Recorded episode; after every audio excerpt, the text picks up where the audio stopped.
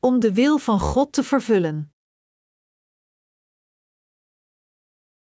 Genesis 1, 9, 13 En God zeide, dat de wateren van onder den hemel in een plaats vergaderd worden, en dat het droge gezien worden. En het was al zo. En God noemde het droge aarde, en de vergadering der wateren noemde hij zeeën, en God zag dat het goed was. En God zeide dat de aarde uitschiet grasschuitjes, kruid zaadzaaiende, vruchtbaar geboomte, dragende vrucht naar zijn aard, welk zaad daarin zij op de aarde. En het was al zo. En de aarde bracht voort grasscheutjes, kruid zaadzaaiende naar zijn aard, en vruchtdragend geboomte, welk zaad daarin was, naar zijn aard. En God zag dat het goed was. Toen was het avond geweest, en het was morgen geweest, de derde dag. Vandaag wil ik graag met u delen wat onze Heer op de derde dag van de schepping deed. Op de tweede dag had God het water boven het firmament gescheiden van het water eronder, maar hierna was de oppervlakte van de aarde nog steeds bedekt met water. Toen de derde dag kwam, zei God, dat de wateren van onder den hemel in een plaats vergaderd worden, en dat het droge gezien worden. En het was al zo. Hij zei ook dat de aarde uitschiet grasscheutjes, kruid zaadzaaiende, vruchtbaar geboomte, dragende vrucht naar zijn aard, welk zaad daarin zij op de aarde, en het gebeurde zoals God het bevolen had. Ook op de derde dag werkte God met zijn woord, en de Bijbel zegt twee keer gezien te hebben wat er was vervuld. God zag dat het goed was, God was blij te zien dat het droge land verscheen, en hij was weer blij om te zien dat de aarde planten en bomen die vruchten dragen voortbracht. Toen de oppervlakte van de aarde bedekt was met water, werd de grond niet geopenbaard. Zonder dat het droge land verscheen, zag de aarde er mooi uit ongeacht hoe vuil en smerig het ook is, sinds het bedekt is met water. Maar God liet het droge land dat bedekt was met water verschijnen, en noemde het aarde. God zei dat het goed was, toen de aarde verscheen die bedekt was geweest met water. Waarom was God blij te zien dat het droge land verscheen? God zei ook dat de aarde uitschiet grasschuitjes, kruid zaadzaaiende, vruchtbaar geboomte, dragende vrucht naar zijn aard. De aarde hier verwijst naar het menselijke hart, naar de zondige natuur van de mensheid. Het menselijke hart is zeer bedrieglijk en bedorven.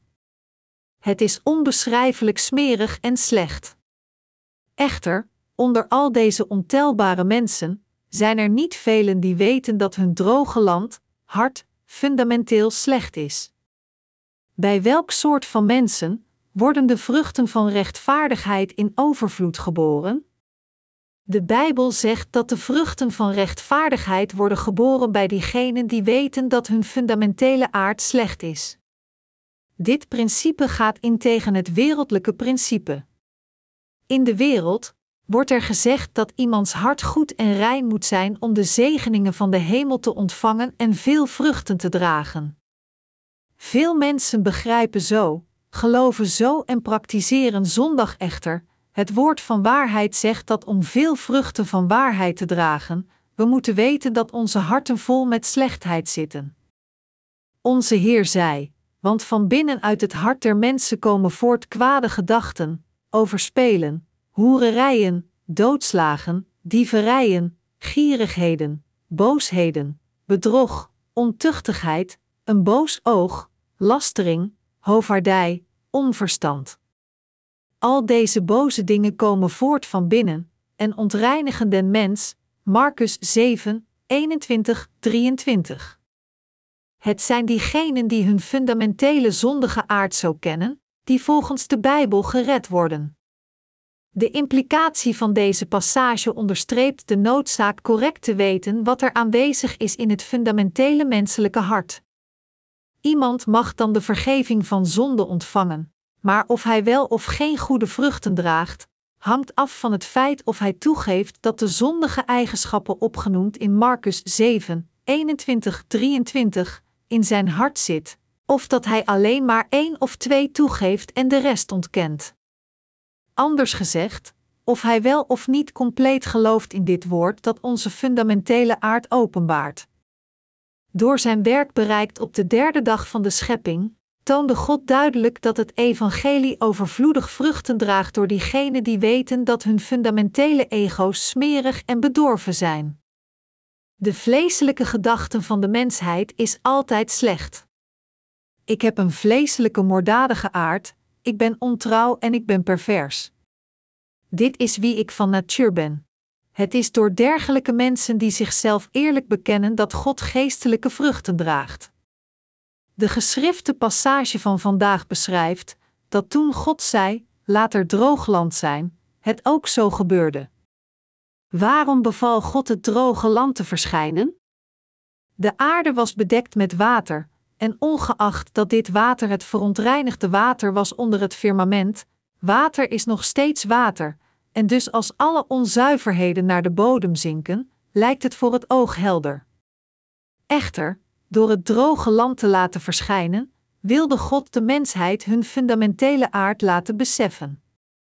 De implicatie is hier dat we moeten weten hoe smerig en verdorven wij allemaal zijn en gered worden door te geloven in Jezus Christus, en dat het door dergelijke mensen is dat de vruchten van geloof worden geboren. Waar groeien de fruitbomen het beste? Zij groeien het beste op een veld waar veel mest is. De fruitboom verwijst hier naar iemand die de vergeving van zonden heeft ontvangen. Door wie worden de vruchten van het evangelie geboren? God zegt dat de geestelijke vruchten geboren worden door diegenen die hun ware ego's zoals ze zijn erkennen, die het woord van God zoals het is erkennen, en die zichzelf aan God openbaren in overeenstemming met zijn woord, zeggend: In mijn vlees heb ik wel lustige verlangens, ik ben een dief, een ontrouwe, een perverse, iemand wiens gedachten slecht zijn, trots en dwaas. Dit is de tegenovergestelde leerstelling van de wereld. Jezus Christus zegt: Weet hoe smerig uw harten zijn. Hij zegt: In uw harten zitten slechte gedachten, moord, overspel, diefstal, hebzuchtigheid, geilheid, dwaasheid, trots enzovoort door diegenen die, ondanks dit, niet het woord van de Heer erkennen en niet hun zondige aard volledig openbaren, is het onmogelijk fruitbomen te laten groeien, nog vruchten te dragen. Voor dergelijke mensen die zichzelf niet compleet openbaren nadat zij de vergeving van zonde hebben ontvangen, worden geen vruchten geproduceerd en anderen kunnen niet door hen gered worden, integendeel, alleen hun huichelarij wordt geopenbaard. Geestelijk gesproken, is het nooit een goed ding voor u anderen te horen zeggen hoe goed en deugdzaam u bent. Uw fundamentele aard is datgene wat hierboven staat vermeld, en dus is uw deugdzaamheid niets meer dan uiterlijke huichelarij.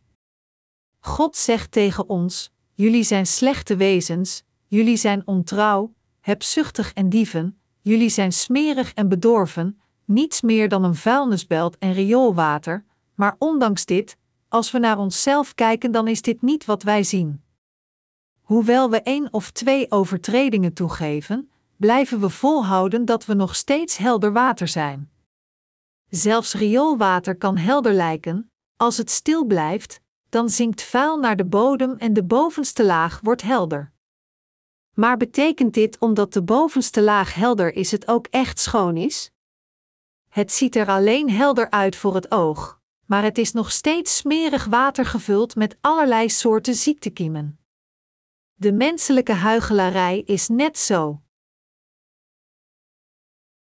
Het menselijke hart is slechter dan el het andere. God spreekt de waarheid, wat het complete tegenovergestelde is van de menselijke gedachten. Dat het droge land bescheen betekent dat onze ware ik wordt geopenbaard.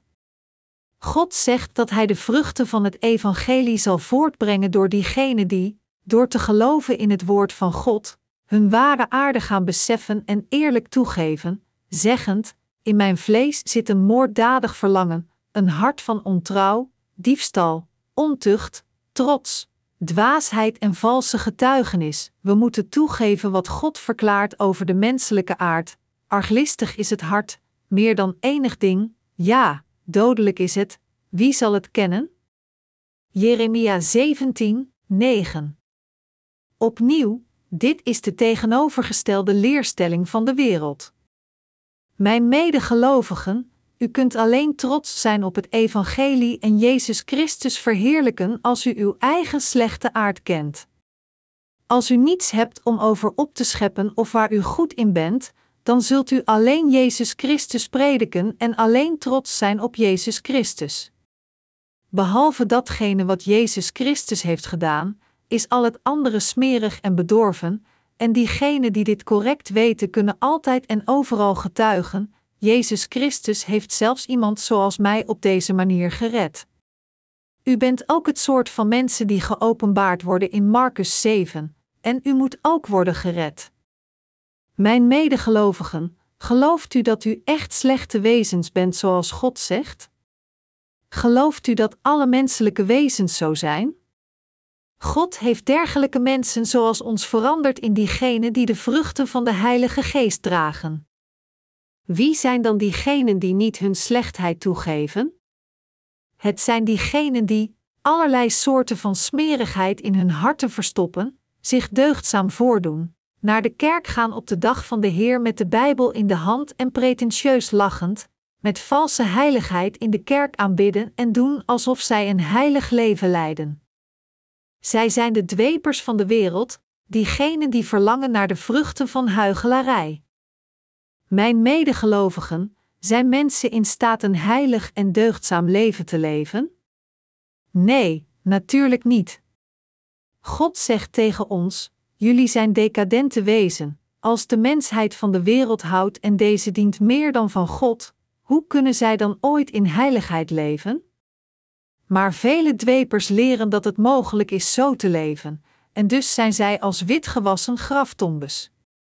Dit is hoe Jezus Christus de Fariseërs berispte.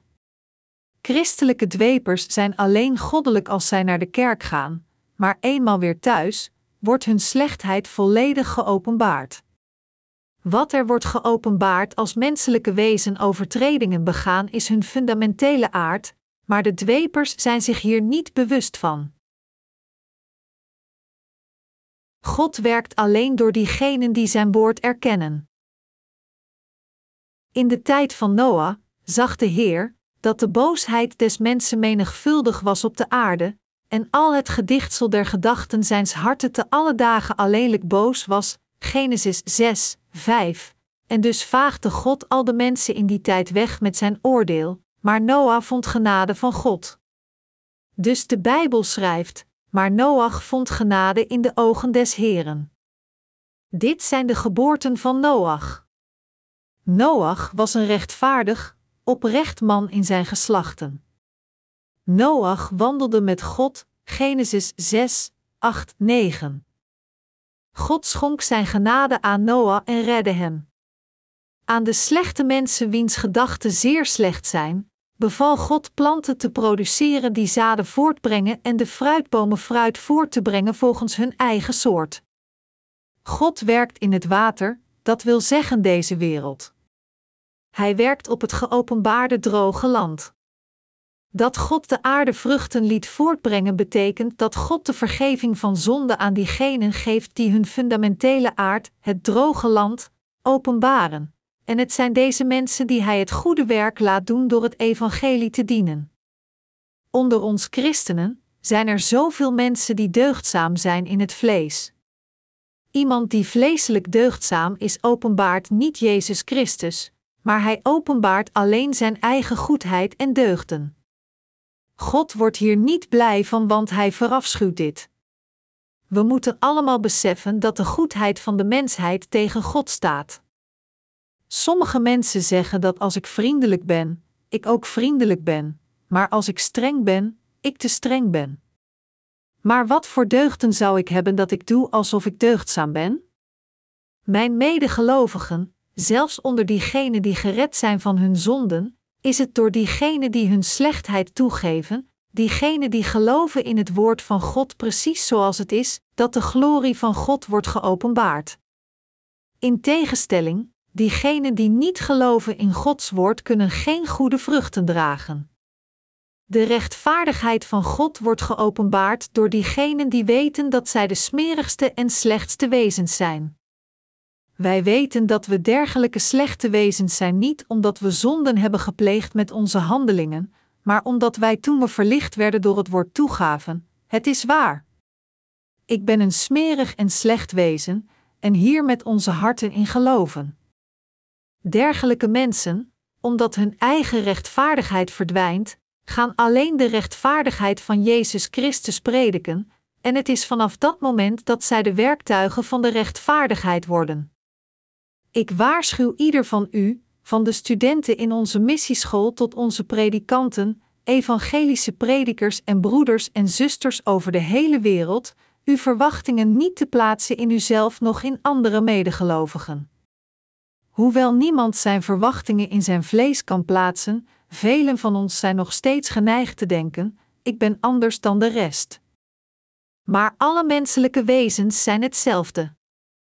God zegt: de mens is een opeenstapeling van zonden, addergebroed, corrupter dan al het andere. Maar zelfs door dergelijke wezens kunnen vruchten worden geboren, en dit is het testament van Gods macht. Is dit niet fantastisch? Dit is de waarheid. Als wij vruchten willen dragen, dan moeten we als eerste beseffen wat we zijn. Daar God ons geopenbaard heeft in heel onze naaktheid en ons met het woord heeft verlicht, zeggen tegen ons: U bent vervuld met overtredingen, moeten we alle hierin geloven en het toegeven precies zoals het is. Geeft u dit feit toe? We moeten ons zelf altijd zo openbaren. Inderdaad, alles dat uit de mensheid kan worden geknepen is niets meer dan smerigheid. We kunnen denken wat we willen, maar uit onze vleeselijke gedachten komt niets anders voort dan slechte gedachten, diefachtige verlangens, moorddadige gedachten en overspelige lusten. Dit is het ware portret van de mensheid beschreven door God. Maar ondanks dit hebben veel mensen absoluut niet het verlangen dergelijke zonden toe te geven, zolang als zij hen niet met hun handelingen hebben gepleegd. Zelfs als degene die ons geschapen heeft ons vertelt dat wij zo zijn, want hij weet alles over ons, zijn we niet bereid dit toe te geven. Dus proberen we onze schaamte te bedekken met vijgenbladeren. Maar hoe lang zal een rok gemaakt van vijgenbladeren het houden? Hoe effectief is het ons te bedekken met onze huigelachtige handelingen? Het is al te menselijk dat onze schaamte geopenbaard wordt in minder dan een dag, of zelfs een halve dag. God zei twee keer dat het goed was, het droge land geopenbaard op de aarde dat vruchten droeg, te zien. Het is door diegenen die hun ware aard kennen dat God de vruchten van rechtvaardigheid gepredikt door Jezus Christus laat dragen, de vruchten die mooi zijn in Gods ogen. We moeten Gods woord met onze harten erkennen. Geeft u nu toe dat uw harten vol bedrog zitten en boven alles slecht zijn? Toevallig zijn er diegenen die opzettelijk hun slechtheid in actie openbaren, omdat God blij was te zien dat het droge land verscheen. De vergeving van hun zonden ontvangend, hebben sommige mensen hun slechtheid opzettelijk geopenbaard, omdat zij deze passage verkeerd begrepen hebben. We moeten dit niet doen. Deze passage vertelt ons niet onze zondige aard door onze acties te openbaren, maar om ons te openbaren voor het woord. Het vertelt ons het woord van God te accepteren, en met onze harten als eerste toe te geven en te erkennen voor God dat wij dergelijke wezens zijn, om Zijn genade te vinden en de rechtvaardigheid te bereiken. Het zijn dergelijke mensen die wijs zijn. Het eerste fenomeen dat verschijnt bij diegenen die de vergeving van hun zonden hebben ontvangen is dat hun slechtheid meer wordt geopenbaard dan hun goedheid. Ik heb zelfs gehoord dat er koppels waren die voordat zij wedergeboren waren nooit ruzie maakten, maar na de ontvangst van de vergeving van hun zonde meer ruzie maakten. Dus, na de ontvangst van de vergeving van zonden, denken zij: waarom ben ik zo? Misschien heb ik niet de vergeving van mijn zonden ontvangen? Waarom is het dat dit het enige is dat ik kan doen? Maar, maak u geen zorgen over uw zaligmaking als u zeker gelooft in het evangelie van het water en de geest. Dit is God die het droge land in uw dagelijks leven blootlegt, omdat u niet volledig zijn woord hebt erkend op eigen uw fundamentele aard. Als we het woord erkennen, worden de vruchten van rechtvaardigheid geboren.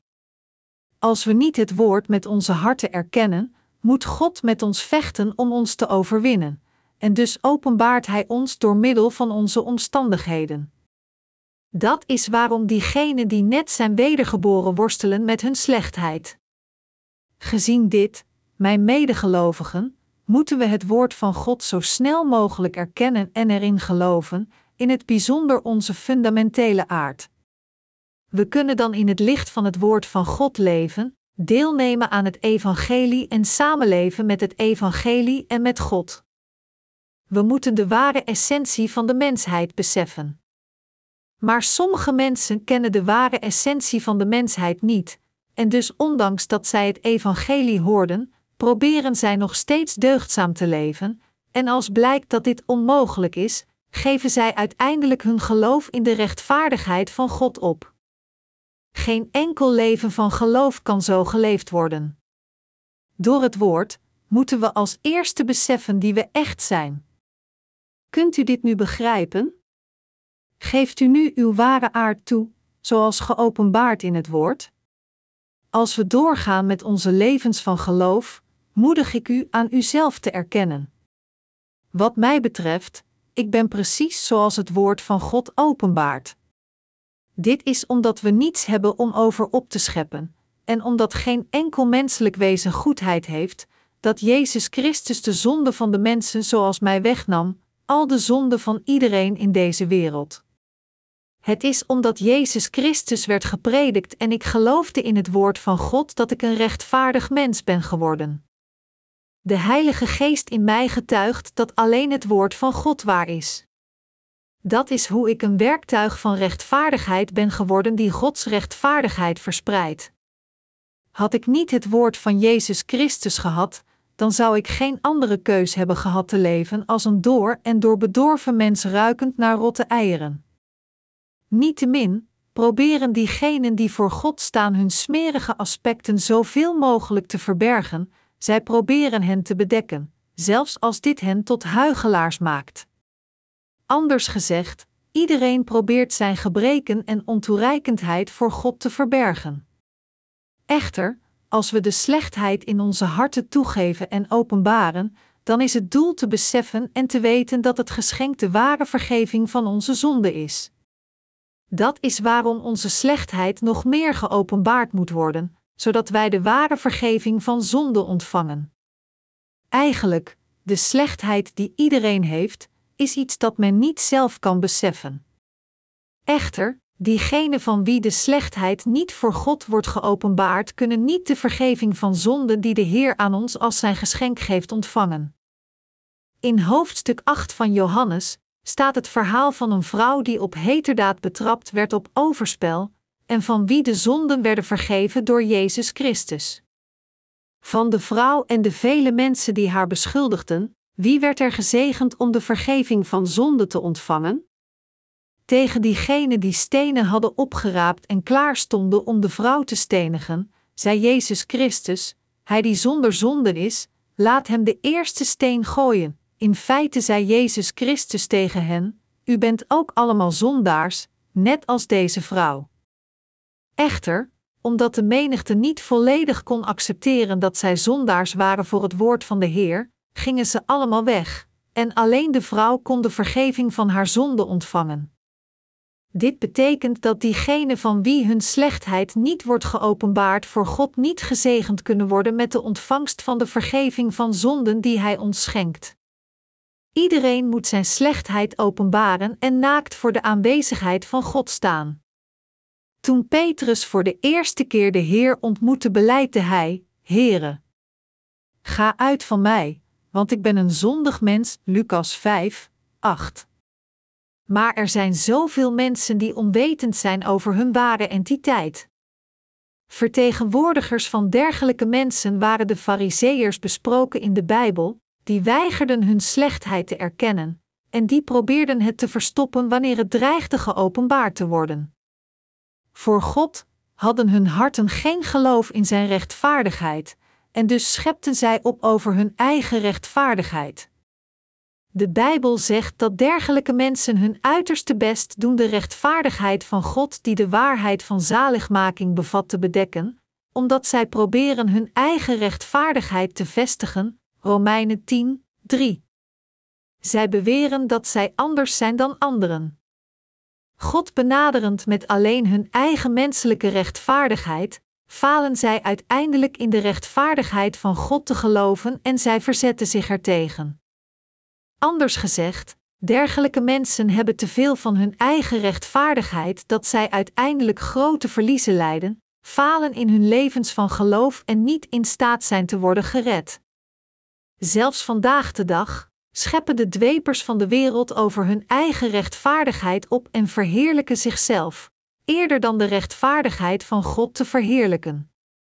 Het is inderdaad een ondraaglijk gezicht dergelijke mensen voor God te zien verschijnen en alleen proberen hun eigen rechtvaardigheid te vestigen, volledig onbewust over hun ware aard.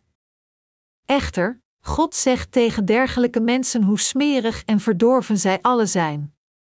Als zodanig moet ieder van ons voor God komen, nederig onze hoofden en harten buigen, en Zijn rechtvaardigheid accepteren en er met dankbaarheid in geloven.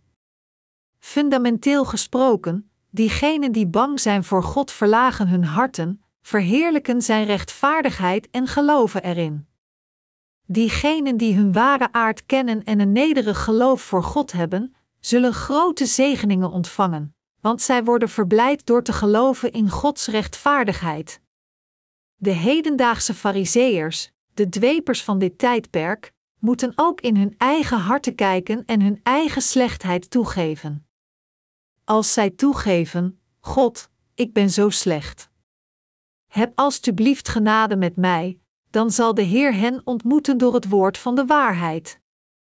Velen van u zijn waarschijnlijk opgegroeid bezaaid met complimenten, mensen die zeiden: Jij bent zo'n goed kind. Jij hebt goede manieren en bent zo mooi. Dus tot op de dag van vandaag hebt u waarschijnlijk gedacht dat dit is wie u bent. Dergelijke mensen kennen zichzelf niet zelfs als zij voor God staan, en dus zijn zij uiteindelijk niet in staat het ware geloof te verkrijgen. Omdat zij moeten doen alsof zij rein zijn, ondanks dat er allerlei soorten van vuiligheid in hen zit, veranderen zij uiteindelijk in dwepers, zeer bederven in het schoonwassen van zichzelf door huichelarij als de dagen voorbij gaan. Echter, we moeten ons het feit beseffen dat van natuur wij niet zo goed en rechtvaardig zijn dat wij op een dergelijke manier worden geprezen. God verklaart dat er absoluut niets goeds of rechtvaardigs in ons zit. Romeinen 3, 10, 12. Een broeder van mijn kerk vertelde onlangs het volgende verhaal. Om naar de universiteit te gaan, had zijn broer het huis verlaten en levende in de stad waar mijn kerk gevestigd was. Als er vakantie was, ging hij naar huis en hoorde zijn ouders altijd zeggen: Onze zoon is hier. Waar op aarde zouden we een betere zoon kunnen vinden dan jou? Maar toen hij meer tijd van huis weg was, zag hij zichzelf en besefte dat hij niet zo goed en deugdzaam was, maar dat hij feitelijk onbeschrijfelijk smerig was. Dus dacht hij hierover na, en besefte dat hij voorzichtig moest zijn zich niet misdragend als hij thuis was waar veel familieleden kort bij elkaar leefden, en dit verklaarde waarom zijn ouders dachten dat hij goed gemanierd was maar omdat hij veel tijd weg was in de stad waar niemand hem kende, werd zijn ware aard, zoals hij echt was, geopenbaard. Dus deze broeder kon niet anders dan zijn fundamentele slechte aard toe te geven, zoals beschreven in hoofdstuk 7 van Marcus. Als we ons in ideale omstandigheden bevinden, dan denken we allemaal dat we deugdzaam zijn. Maar als onze omstandigheden veranderen, doordat we bijvoorbeeld naar een nieuwe stad verhuizen, waar we volledig op onszelf zijn zonder enige belemmering, dan wordt onze ware aard geopenbaard en gaan we ons beseffen hoe slecht en smerig we zijn. Echter, wat verbazingwekkend is, is dat als God eenmaal de slechtheid van iemand openbaart, hij meteen begint te werken in zijn hart. Als een boer zaad plant op zijn akker, dan begint hij niet zomaar te planten zonder enige voorbereiding. Als eerste ploegt hij het veld, haalt de stenen eruit, dan trekt hij groeven en zaait de zaden. God werkt zo ook. Anders gezegd, het is als de slechtheid in onze harten worden geopenbaard dat God ook begint te werken. Dus moeten we beseffen dat als het water dat de aarde bedekt wordt drooggelegd, er smerige rotzooi wordt blootgelegd. Allerlei soorten rommel komt tevoorschijn, van afgedankte autobanden tot plastic zakken, stoffen, schoenen, kapotte paraplu's en vodden. We kunnen ook alcoholflessen, bierblikjes, whiskyflessen en zelfs elektrische huishoudapparaten die wegroesten terugvinden. God stroopt als eerste het menselijke hart en legt zijn slechtheid bloot. En vanaf dat moment begint hij met zijn werk van zaligmaking door het evangelie van het water en de geest. We moeten nu begrijpen wat het betekent als God zegt: laat het droge land verschijnen, en waarom hij blij was het te zien. We kunnen door God nooit goedgekeurd worden vanwege onze menselijke goedheid. Maar ondanks dit, tot op de dag van vandaag, zijn er nog steeds talloze mensen die zichzelf als deugdzaam beschouwen. Hun ware aard niet kennend, denken zij dat ze rein zijn. Zij denken dat ze beter zijn dan sommige andere mensen. Zij zijn net als de menigte die de vrouw beschuldigde die op heterdaad betrapt werd op overspel, en van zichzelf dachten dat zij beter waren dan deze vrouw. De dwepers onthouden zich van alcohol en tabak, en dus behandelen ze iemand die alcohol drinkt en rookt als een zondaar. Hoe zit het met u? Denkt u dat u beter bent dan iemand die naar een burlesk gaat? Nee, u hebt niets beters. Als u iets beter bent, dan is dit alleen omdat u nu woont in Gods kerk en u in het woord van God gelooft en het in uw levens volgt, als u niet was wedergeboren en alleen een religieus leven in deze wereld zou leven, dan zou u hetzelfde zijn als een ongelovige. Dat is waarom God als eerste het droge land blootlegt, de aarde en dan op dit blootgelegde land werkt. Van al de werken die God bij ons doet, is het eerste dat Hij doet onze gedachtegang dat vasthoudt aan het feit dat wij goed en deugdzaam zijn te breken. Hij stroopt ons van onze verwarrende gedachten en verkeerde opvattingen. Gezien het feit dat de menselijke aard smerig en slecht is, hoe kunnen we dan een rechtvaardig leven van geloof leven zonder dit te beseffen? Toen ik mijn leven van geloof leefde voordat ik was wedergeboren, werd ik ook geprezen door velen van mijn congregatie voor mijn goedheid en erkend als een voorbeeldig gelovige. Dus ging ik zelf ook op deze manier denken. Echter, ik werd nog steeds gekweld door de zonden die ik in het geheim pleegde. Het was pas later, nadat ik was wedergeboren door het evangelie van het water en de geest, na mijn vals zelfbeeld dat mijn hart en gedachten had bedekt loskwam, dat ik eindelijk in staat was een correct leven van geloof te leven. Als het water van de aarde wordt teruggetrokken, dan is het vanaf dat moment dat uw slechtheid wordt geopenbaard.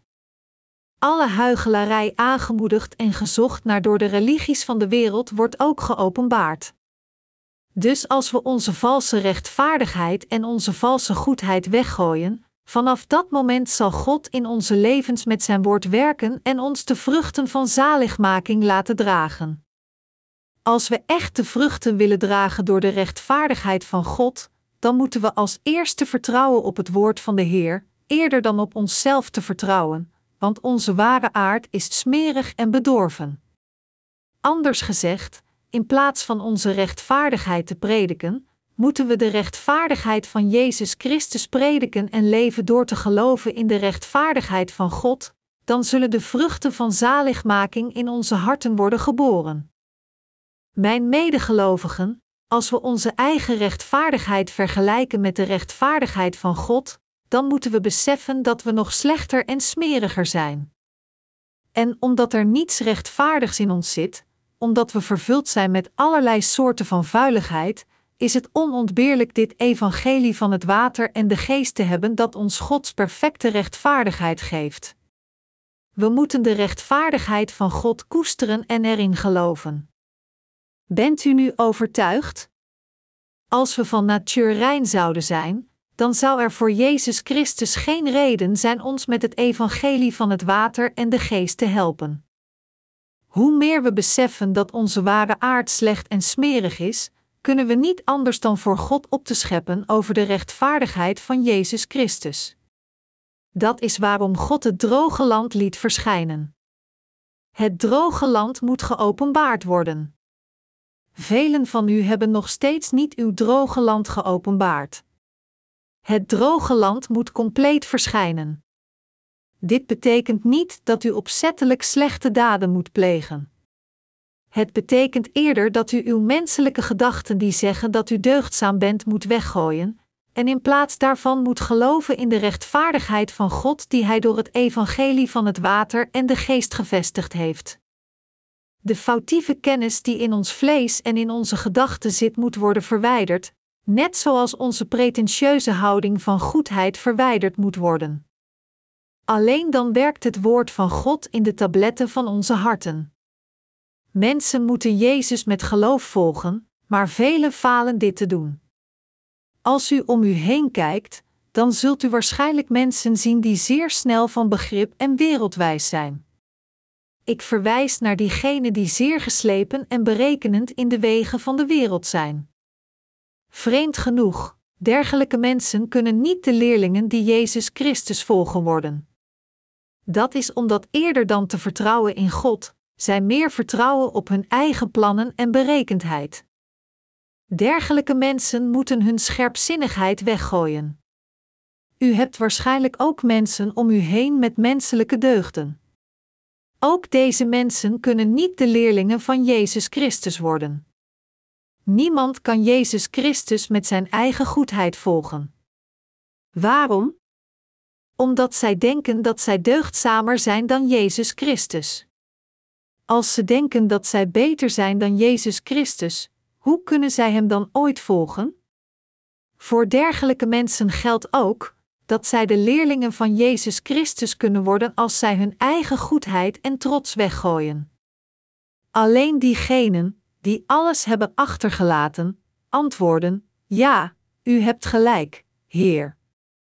Alleen uw woord is de waar, en kunnen de leerlingen van Jezus Christus worden en Hem volgen. Voor al diegenen die een overvloed aan menselijke emoties, menselijke trots en menselijke gevoelens hebben, hun trots en gehechtheid moet worden verwijderd door hun geloof in Jezus Christus. Dat is waarom de Heer zei: Zo wie achter mij wil komen, die verloochenen zichzelf en nemen zijn kruis op en volgen mij. Marcus 8 uur 34. Waarschijnlijk denkt u nu: hoe kan ik zo leven? Het zou zo eenzaam zijn, maakt u geen zorgen. Dankzij onze God zal er vreugde in uw leven komen. Is het niet zo dat de gasten op het trouwfeest in Cana de betere wijn proefden die de Heer hen gaf nadat de wijn die de gastheer had bereid opraakte? U moet alles dat menselijk is wegdoen. Dit lijkt zo koud, niet waar? Maar dat is het niet. Integendeel, geestelijkheid en pure vreugde zullen uw levens vervullen. U zult geestelijke liedjes zingen, en u zult inderdaad met geloof bidden. Het woord zal ook krachtig in uw harten werken, en door het evangelie gepredikt door ons, zullen veel mensen beginnen hun ware levens van geloof te leven, omdat zij werkelijk gered zijn. Dus door dit alles zullen onze harten vervuld worden met vreugde in de Heer en de Heilige Geest.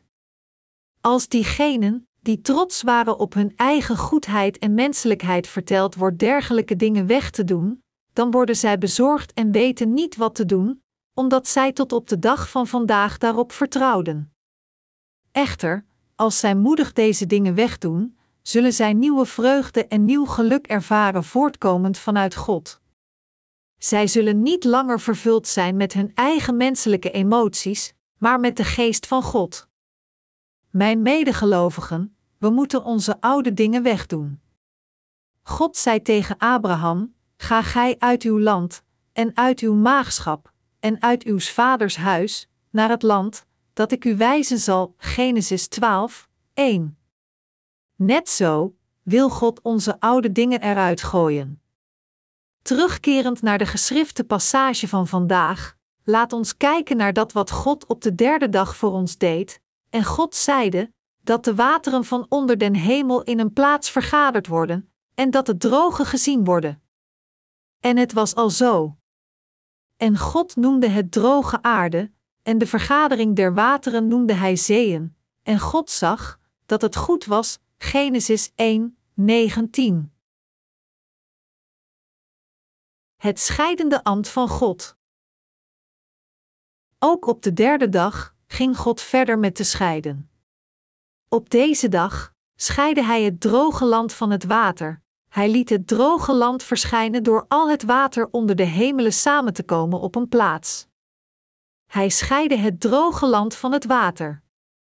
Anders gezegd, God wilde dat er iets in onze gedachten en harten gescheiden zou worden.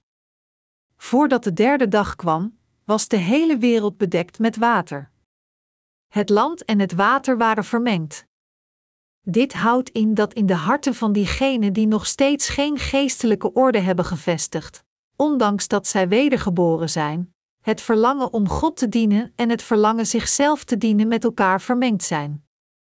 Dus als iemand zijn leven van geloof op deze manier leeft, dan zal hij op en neer schommelen, soms levend voor zichzelf, andere keren voor God, en er zijn veel mensen die hun hele leven zo leven.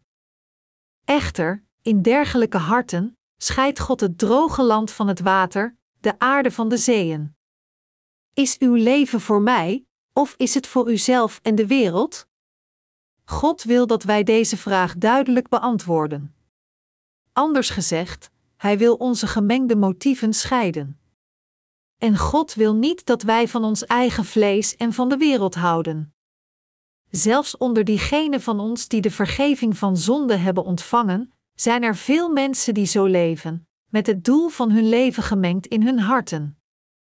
Dus, veel mensen, hoewel zij de vergeving van hun zonden hebben ontvangen, doen alsof ze leven voor God zelfs als zij leven genieten van deze wereld, proberend beide kanten te bevredigen. Sommige medewerkers die hun hele leven geleefd hebben het evangelie dienend hebben hun spullen gepakt en zijn de wereld ingetrokken.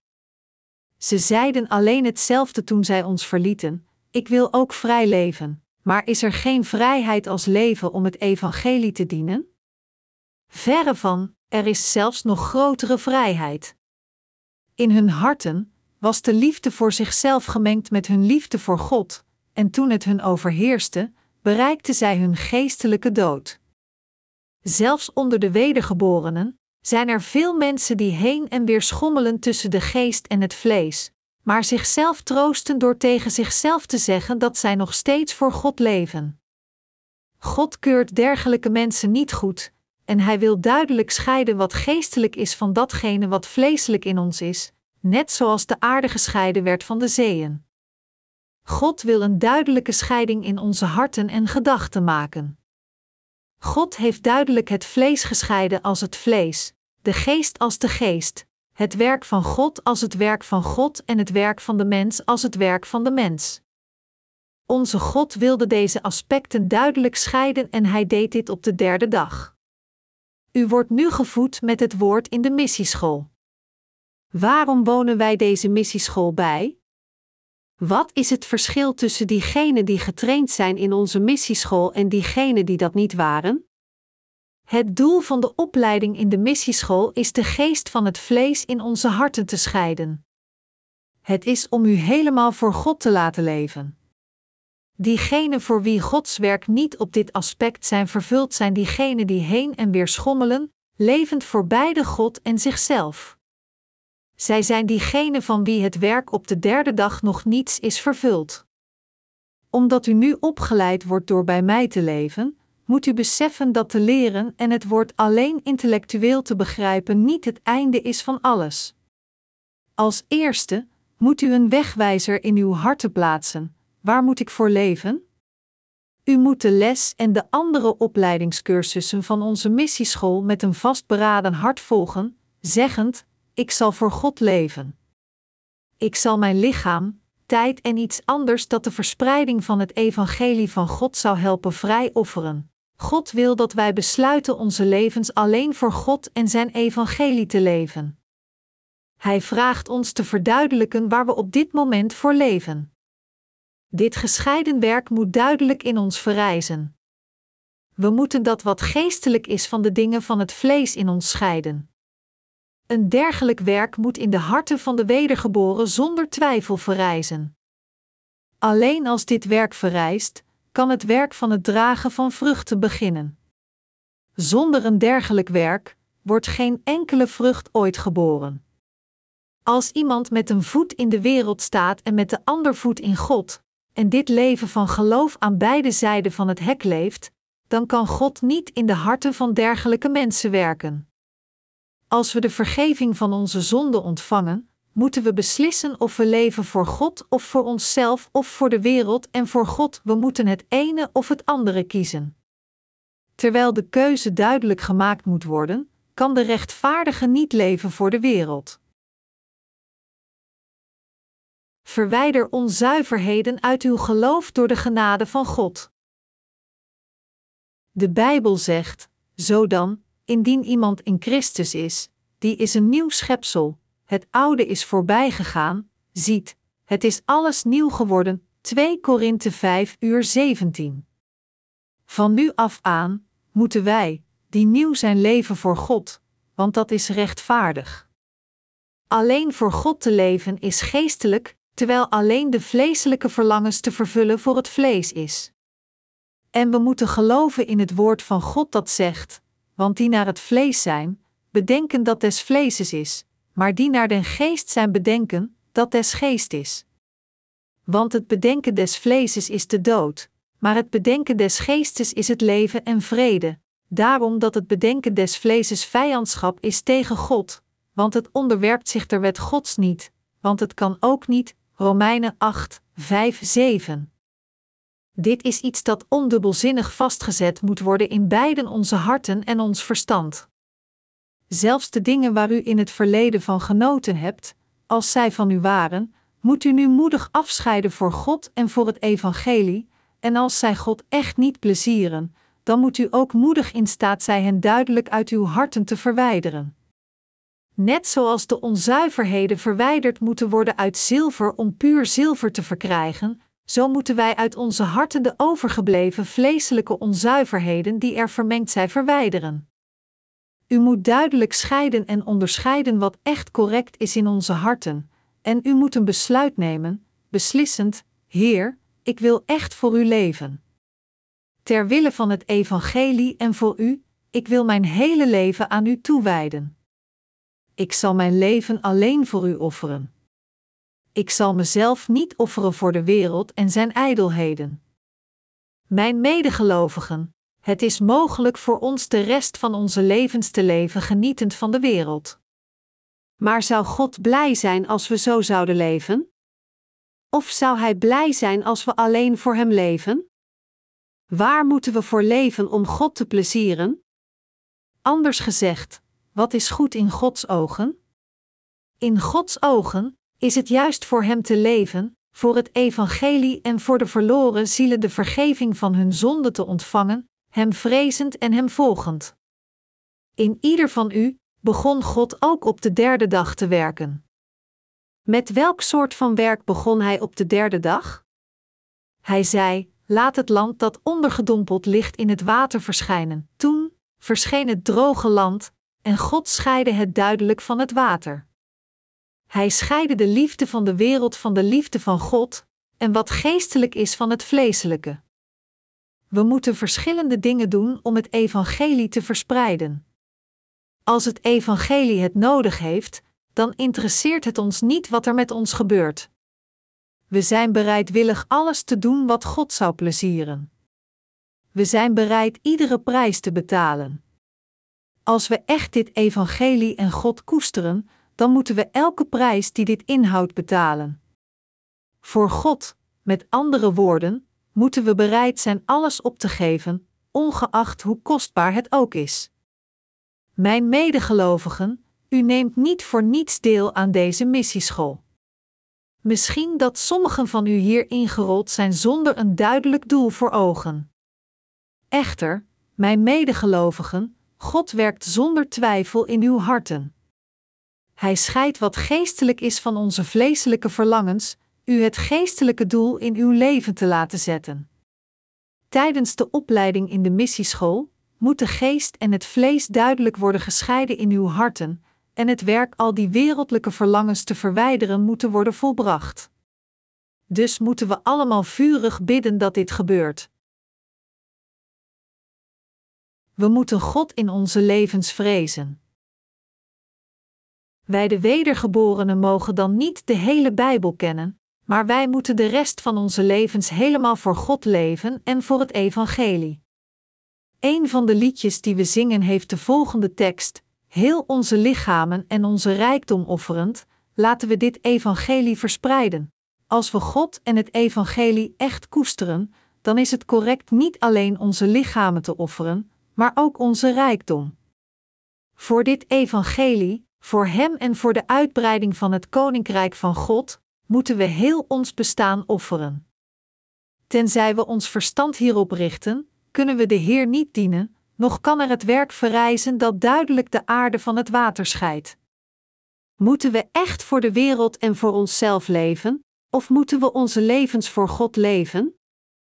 Welke is juist? Compleet voor God te leven, of te leven genietend van de wereld? Voor de wedergeborenen is het correct om compleet voor God te leven. Zelfs als een leeuw achter een konijn jaagt, kan hij zijn prooi niet vangen tenzij hij al zijn energie erin legt. Zelfs als we een nagel in de muur slaan, kunnen we het niet juist doen tenzij we ons concentreren op het hameren. Net zo, zelfs een kleine taak vereist al onze aandacht en inspanning om het te volbrengen, en dus als we Gods werk doen, moeten we onze harten, inspanningen, wil en toewijding toeleggen op dit werk om het te volbrengen. Als het woord van God zegt dat het juist is, dan moeten we bang zijn voor dit woord en het dienovereenkomstig volgen. Mijn medegelovigen, God zegt niet tegen ons dat we kunnen leven op de manier zoals wij willen als we de vergeving van zonde hebben ontvangen, omdat we nu zondeloos zijn. Integendeel, God vertelt ons dat we vanaf dat moment op moeten rukken richting ons doel, Filippenzen 3 uur 14. Hebben we de wet van God weggegooid? Nee, we hebben de wet niet verlaten. Door deze wet leerde God ons over onze zonden, en Hij leidde ons naar Christus om de vergeving van onze zonden te ontvangen. De Bijbel zegt dat nu we de vergeving van onze zonden hebben ontvangen, het correct is van ons het woord van God te vrezen, en in overeenstemming met hoe dit woord ons leidt, van God te houden en volle levens te leven. We moeten niet het woord van God ontvangen met alleen onze hoofden als een kwestie van een intellectuele oefening. Het woord van God moet geloofd worden met het hart. En in onze oprechte harten moeten we beslissen te leven voor God en Zijn evangelie. Het is juist voor ieder van ons nu te leven voor de verspreiding van het evangelie. Ieder van ons moet nu het besluit nemen, zeggend: Van nu af aan wil ik leven voor de rechtvaardigheid van God. Dit hart is onontbeerlijk. Mijn medegelovigen, als we doorgaan met onze levens die zo kort als een middernachtelijke droom is, waar moeten we voor leven om juist te zijn? Het is juist om te leven voor het evangelie en voor God. Het is absoluut correct te leven door de Heer, voor de andere zielen, zodat zij de vergeving van hun zonde ontvangen. De rechtvaardige kan niet gewoon op zijn manier leven. Het juiste leven om te leven is te leven voor God. Hoewel we ontoereikend zijn, is het correct van ons te leven voor het evangelie terwijl we op deze aarde zijn. Het is correct van ons, onze levens voor de uitbreiding van zijn koninkrijk te leven en voor de talrijke zielen die aan het wegkwijnen zijn.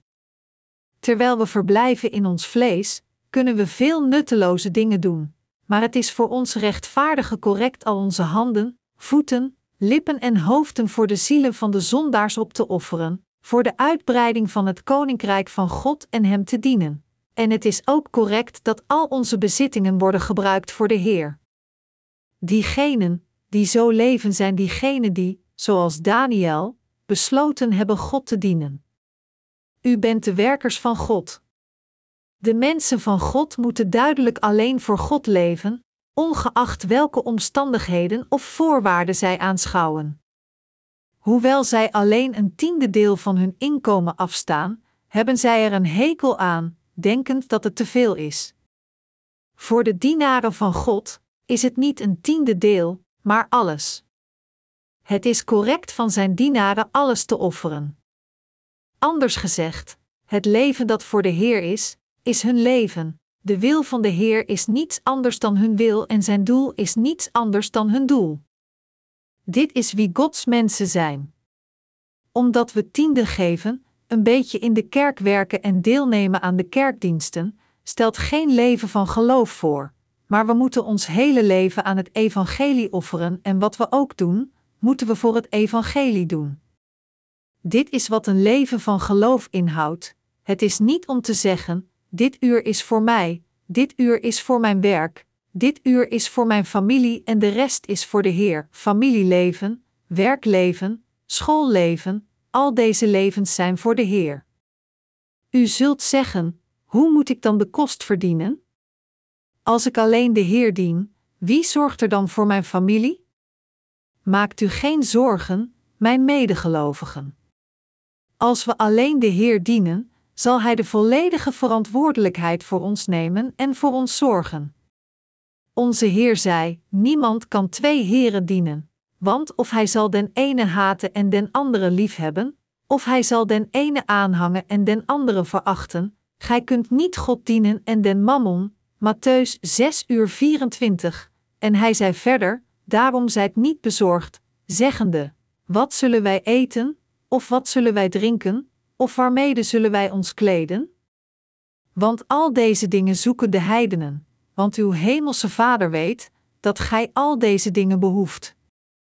Maar zoekt eerst het koninkrijk Gods en zijn gerechtigheid, en al deze dingen zullen u toegeworpen worden. Matthäus 6, 31, 33. Wij geloven in dit woord en maken ons geen zorgen over al onze levensbehoeften, want wij zijn kostbaarder dan de mussen in de lucht. Dit is wat God volbracht op de derde dag. De aarde en de zeeën moeten worden gescheiden. De geest en het vlees moeten duidelijk in onze harten gescheiden worden. Als er nog steeds een vleeselijke band kleeft aan en hangt in onze harten, moet er een scheiding plaatsvinden. Leerlingen aan de missieschool, u moet zeer duidelijk zijn over deze kwestie. Uw harten mogen niet verlangen naar de wereld, noch moet u zoeken naar het geluk van uw vlees.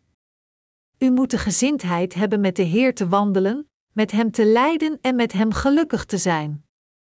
Begrijpt u dit nu? Wij zijn de soldaten van het Koninkrijk van de Hemel. Onze harten moeten duidelijk gericht zijn voor God.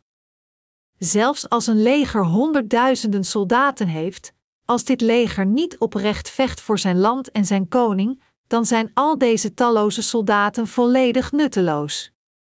Zij verspillen alleen militaire voorraden en beroven de schatkist. In tegenstelling, als een leger alleen 300 soldaten heeft, en al deze soldaten zijn vervuld met een loyale toewijding voor hun land en hun koning, dan vormen deze 300 soldaten een elitekracht. Zelfs als zij vechten tegen een leger met honderdduizenden soldaten, deze 300 sterke soldaten zullen overwinnen. Welk soort van leger moeten wij dan worden? Voor God moeten we als deze strijdkracht worden, alleen levend voor het evangelie en Hem. Om dit te verduidelijken, zal ik u een kort verhaal vertellen. Lang geleden waren er twee landen. Een land was het land van de simpele zielen, en het andere land was het land van de slimme zielen. In het land van de simpele zielen was iedereen traag van begrip, van de koning tot zijn volk. In het land van de slimme zielen was de koning zeer slim en zijn volk was zeer sluw. Op een dag kregen de twee landen oorlog met elkaar. Toen de koning van het slimme land beval aanvallen, vielen zijn soldaten niet aan, zeggend: Majesteit, we moeten niet nu meteen aanvallen. Het zou slimmer zijn nog een tijdje te wachten en dan pas aan te vallen. De koning van het slome land beval: aanvallen. Zijn bevel horend, stormden zijn soldaten het slachtveld op, zich geen zorgend maken over het feit of zij stierven of niet. Het land van de simpele zielen won deze oorlog. Hoe kon het winnen? Het won omdat de soldaten dat deden wat de koning bevolen had, zonder aan te dringen op hun eigen weg. Anders gezegd, hoewel deze soldaten ontoereikend waren, gaven zij hun leven voor hun koning en hun land. Het land van de slimme had het slome land gemakkelijk kunnen overwinnen en de oorlog gewonnen, sinds iedereen zo slim was, maar de koning werd gevangen genomen en het leger vernietigd. Hoewel de soldaten van het slome land de wijsheid misten, hadden zij besloten te vechten voor hun koning. De koning kon deze oorlog winnen door deze toegewijde soldaten. Wij zijn de soldaten in een geestelijke oorlog. In het voeren van deze oorlog kunnen we alleen deze oorlog winnen als we onze harten duidelijk richten, zeggend: Heer, ik zal alleen voor u leven. In tegenstelling, diegenen die niet hun verstand gericht hebben op de Heer zullen iedere oorlog die zij voeren verliezen, zelfs als zij honderden oorlogen voeren. Hoe moeten onze harten dan zijn? Onze harten moeten duidelijk gericht zijn om te leven voor God. Waarom kwamen wij naar de missieschool? Kwamen we om goede predikers te worden? Kwamen we om de geheimen van een succesvol prediker te leren? We kwamen niet hiervoor naar de missieschool. We kwamen niet naar de missieschool om een speciaal talent te ontvangen, dat wil zeggen dergelijke dingen zoals het talent van het spreken in tongen of het talent van de voorspelling. Voor wat kwamen we dan naar de missieschool? Kwamen we niet om te leven voor de Heer? Inderdaad, we kwamen omdat we wilden leven voor de Heer. Als we onze harten richten om voor God te leven, zal Hij dit toestaan en ons alles geven wat we nodig hebben. Het is niet om zoals Kain te worden, een expert in vleeselijke zaken, dat wij naar de missieschool kwamen. Waar moeten we nu dan voor leven? Hoewel we waardeloos zijn zoals Abel, moeten we een leven, leven dat geleefd wordt voor God, onze harten richten, Hem gehoorzamen als Hij spreekt en onze harten met een ja verenigen met Hem. Onze harten moeten gericht zijn op God en onze harten moeten aan Zijn kant staan. Het is om voor Hem te leven dat wij naar de missieschool kwamen. Dat is waarom wij nu hier worden opgeleid. Mijn medegelovigen, nu dat u het woord hebt gehoord, hoe denkt u nu over uw doel om naar de missieschool te komen? Is het niet een beetje veranderd?